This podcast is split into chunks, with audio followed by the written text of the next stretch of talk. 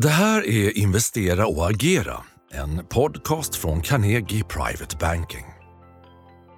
Vi startar med en datumstämpel. Det är onsdag 29 mars. Klockan är 13.00. Eh, jag heter Henrik von Sydow, omvärldsstrateg på Carnegie och ska tillsammans med Carl Hedberg, aktiechef på Carnegie Private Banking, föra ett samtal som kretsar kring det första kvartalet på Stockholmsbörsen. Vad har vi lärt oss?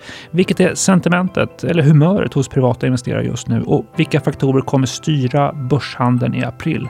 Och naturligtvis, hur ska investerare agera? Välkommen till podden Investera och agera. Carl Hedberg, första kvartalet 2023 snart till ända nu. Vi går mot kvartalsskifte. Om du skulle vilja summera de första tre månaderna på Stockholmsbörsen och vad du tycker att privata investerare ska ta med sig framåt. Ja, vi får väl konstatera att det har varit ett väldigt volatilt kvartal. Vi hade en urstark start första halvan av januari. Sen gick vi över i en mera avvaktande sidledes rörelse och sen har vi avslutat kvartalet nu med fokus på banksektorn, eh, nervösare aktiemarknader och ändå fallande börs. Men jag tycker samtidigt att det är viktigt att poängtera att vi är faktiskt fortfarande på plus om vi ser så här till årsskiftet. Just det. Eh, och om du var lite grann inne på det, men om, om du skulle beskriva status på Stockholmsbörsen just nu, vilka skulle dina omdömen vara? Det är en avvaktande marknad fortfarande. Eh, det är mycket fokus på banksektorn.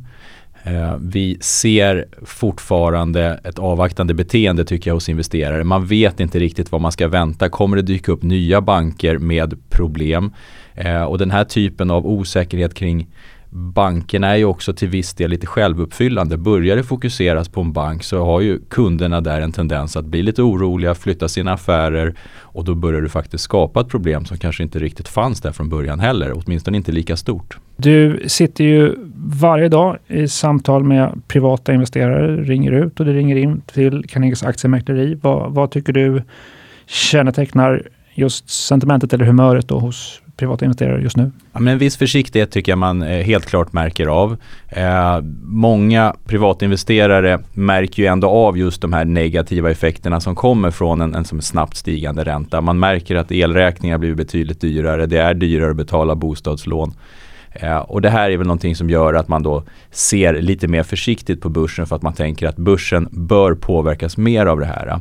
Sen finns det ju vissa eh, effekter då som gör att man kanske inte riktigt ska göra den tolkningen bara rakt upp och ner. Och där märker vi faktiskt av en stor skillnad från institutionella investerare som har kanske ett litet annat eh, tidsbegrepp, ser lite grann utanför bara sitt närområde och faktiskt ser att det finns en hel del positiva effekter också. Om inte annat än som en, en överlag rätt så bra kvartalsrapportsäsong som vi kommer kommer från under eh, i januari, februari då när Q4-resultaten släpptes. Och det tror jag finns en stor sannolikhet för att vi kommer se en relativt lik situation när, när rapporterna börjar dra igång igen här under senare del av april. Mm, intressant. Eh, den vanligaste frågan som du får just nu från investerare? Just nu skulle jag säga här senaste två veckorna så är det väl, ska man köpa bankaktier på det här nedstället som vi har sett. Och eh, det svaret har väl lite olika varianter beroende på vilket tidsperspektiv man ser på. Du, eh, ja, det vill vi höra svaret då. Vad säger du? Ja, nej men så här, kortsiktigt, jag tror att vi kommer kunna se mer osäkerhet i, eh, i banksystemet. Jag tror att det kommer kunna dyka upp fler banker som hamnar lite grann i strålkastarljuset och, och investerare blir nervösa. Och eh, aktiemarknaderna är ju globala så att skulle vi se fallande kurser eh, i, i europeisk banksektor så kommer det spela över även på svenska, nordiska bankaktier. Så att kortsiktigt kanske en viss eh, avvaktande försiktig inställning. Men jag tror skulle man titta på svenska bankaktier och ha en horisont på ett år, då tror jag att det kommer vara en bra investering. Det är jag rätt övertygad om. Mm. Du, eh, just den här bankoron har ju präglats eh, sista veckorna, även om det är lite lugnare nu. V vad tror du, vilka spår sätter eh, bankoron in i andra kvartalet? Hur förändrar det dynamiken och beteendet på börsen? Ja, men jag tror att det kommer att se ett lite större eh, skifte mot att man faktiskt prissätter risk på ett annat sätt. Man kommer inte riktigt ha lika lätt att ha det här positiva tolkningsföreträdet. Jag tycker att det här året startade lite väl positivt och givet de riskerna som vi ändå såg framför oss. Och där har ju vi mycket eh, pekat på att det finns risker av det här snabbt eh, omställda räntelägret. Eh, vi har en helt annan räntenivå än vad vi bara hade för ett halvår sedan. Och att det här då också kommer ge en effekt på bolagens vinster här om vi kommer ytterligare något eller några kvartal framåt. Ehm, så att, ehm, där, där, tror jag att marknaden nu kommer se lite annorlunda på det här. Man kommer sätta en lite högre riskpremie helt enkelt. Och kanske också ett ökat fokus på risk. Och, Absolut, och både det- konjunkturrisker, risk på motpartssidan för banker och så vidare? Eller? Ja, det är ju mycket där just fokus ligger just nu. Att man inte riktigt vet vilken, vilken risk som finns i, i systemet. Eh, nu har man å andra sidan sett väldigt snabba åtgärder från, från myndighetshåll och centralbanker. Så det tar väl visserligen ner lite grann den där osäkerheten. Men den hänger ändå kvar till viss del. Just det. Och risk är en fråga som inte har, eller det har inte haft det fokuset under en ganska lång period nu, men nu kommer det tillbaka. Nej, så är det. Om vi blickar framåt, vad, vad tror du, vilka blir de viktigaste fasta situationerna för börshandeln i april? Jag skulle säga i det korta perspektivet då är det nog eh, ytterligare nyheter kring banksektorn. Eh, vi vill givetvis inte se eh, för mycket negativa nya nyheter som dyker upp. Eh, men sen är det också som sagt att vi börjar så smått närma oss nästa rapportperiod då, och eh, då är vi i sista, sista halvan av april här så det kommer också ge en liten ny vägledning. Kommer vi se fortsatt en stark efterfrågan för, för många av de här större internationella bolagen. Eh, och kommer vinsterna hålla upp relativt väl. Vi såg lite press på vinsterna i förra kvartalet men ändå ingenting som, som var riktigt alarm, alarmerande.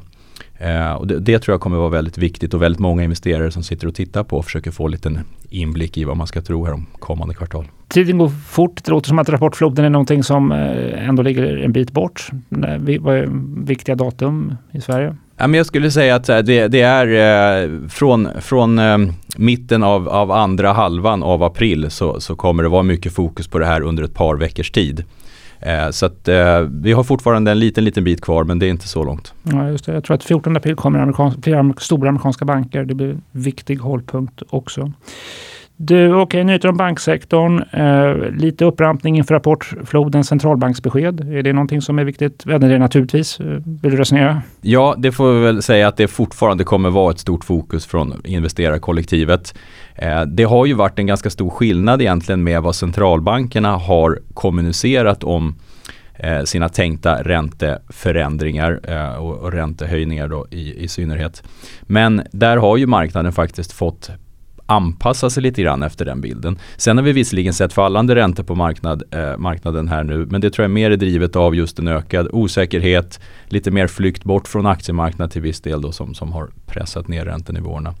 Eh, men fortsatt fokus på, på räntans utveckling eh, och det är ju eh, centralbankerna som kommer styra det till stor del. Mm. Nu är vi ju också då mitt, eller utdelningssäsongen har verkligen startat. Vad, vad, vad tror du det betyder för, för handeln på Stockholmsbörsen? Ja, men jag tror att vi kommer se lite effekter av det att det faktiskt upplevs som att den här nervösa marknaden fortsätter. Vi kommer ju se en del bolag som faktiskt tappar en del i aktiekurs men där är det ju viktigt att man håller, håller tungan lite rätt i mun och, och inser att viss del av den potentiella nedgången då eh, kan, kan härledas till att man avskiljer utdelningen.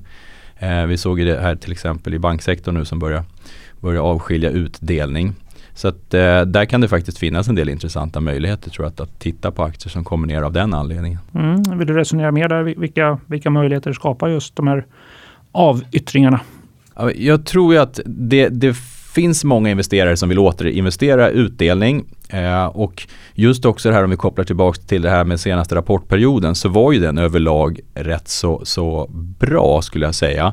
Den har ju inte överraskat eh, åt det negativa hållet i någon större omfattning. Och det gör ju att jag tror att även det scenariot hänger kvar till stor del inför den här rapportperioden. Och om då aktiekurserna kommer ner för att man avskiljer utdelning så tror jag det finns en ganska bra potential till att de här aktierna kortsiktigt kan ta igen eh, delar av det tappet då som utdelningen utgör. Vi pratade om lärdomar från det första kvartalet eh, och börshandeln där. Om vi blickar då mot det andra kvartalet, vilket börsscenario ser du framför dig? Jag tror att vi kommer ha mer av en, en eh, sidledes marknad, fortsatt volatil givetvis, att det kommer ju vara ett intervall det kommer röra sig i som, som kan vara någorlunda stort. Men jag tror som sagt ändå att vi fortfarande har stöd av okej eh, vinstnivåer i bolagen, fortfarande en hygglig efterfrågesituation. Det är väldigt många bolag som har pratat om stora orderböcker som man fortfarande betar av. Så att egentligen är inte osäkerheten för 2023 fullt så stor utan osäkerheten ligger snarare in i 2024 och då tror jag inte att man kommer skicka ner aktiemarknaden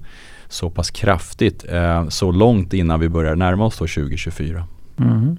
Ett tecken på synen på risk och riskvilja är ju förstås eh, börsintroduktioner. Eh, Börsfönstret eh, har ju med några få undantag varit stängt under en rätt lång period nu. Det är ju snart, ja, vad blir det, fyra, fem kvartal. Vilka faktorer krävs för att vi ska få se några börsintroduktioner under det andra kvartalet? Jag tror att vi kommer behöva se en mer stabil marknad. Det här som har hänt nu i banksektorn, det tror jag tyvärr gör att man skjuter lite grann på, på den här tidpunkten för att det här så smått ska kunna börja komma igång. Eh, jag tror att, att eh, både eh, bolagen som, som ska ta sitt eh, företag till börsen och då framförallt de tilltänkta investerarna som ska in i det här och sitter och tittar på det här.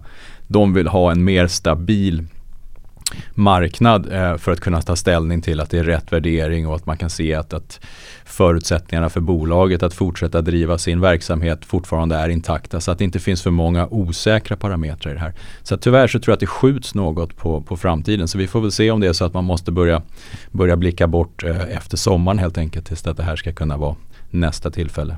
Mm. I eh, både den miljö som du beskriver och det scenario som du har eh, framför dig, vilka, vilka egenskaper letar du efter i aktier och bolag som du rekommenderar nu? Ja, men I den här en, miljön som ändå känns mera osäker, mera volatil, så tycker jag att man ska ha huvudfokuset eh, på bolag som har mer en traditionell verksamhet, en stabilitet i sin verksamhet. Det ger oftast eh, betydligt mer tillförlitliga vinstprognoser, att man inte behöver vara lika osäker där. Och sen eh, har de här bolagen oftast en, en en god lönsamhet som innebär att man kan dela ut en del pengar till aktieägarna och det tror jag också är en viktig komponent i det här. Utdelningen kommer det här året vara en viktigare del av den totala avkastningen än vad det kanske har varit tidigare år när, när aktiekurserna har, har skenat iväg uppåt betydligt mer. Okej, okay. och faktorerna stabilitet, förutsägbarhet i vinster då kanske också? Uh, ytterligare någon faktor? Ja men det är just en, en eh, god direktavkastning, en bra utdelning. Det, det, det tycker jag är den tredje mm. faktorn. Eh, har, har, du någon aktie som du eh, tycker tickar de här boxarna och som, är, eh, är, som du kan rekommendera under resten av året? Ja, men jag tycker att det är en aktie som passar in på de här kriterierna, även om den inte är, kanske är i topp på alla, just den, tänker jag främst på utdelningen här. Men jag tycker att Essity är ett bolag som som passar väl in på den här beskrivningen. Vi har pratat eh, väl om den aktien tidigare men nu har vi faktiskt sett att även i den här lite osäkrare miljön här på slutet så finns det en hel del investerarpengar som letar sig in i den här aktien. Aktien har stått emot väldigt väl i den här turbulenta miljön. Ehm, och jag tror att det som har drivit den här lite positiva trenden, de faktorerna kommer finnas kvar under ett antal kvartal ytterligare. Och det är egentligen då bolagets arbete med att, att få igenom prishöjningar, det börjar slå igenom nu. Eh, och andra, åt andra hållet så börjar man få en positiv effekt också av att råvarupriserna faller tillbaks. Så att du har egentligen en positiv eh, vinsttrend drivet både då från intäktssidan men även eh, från, från kostnadssidan då som kommer ner.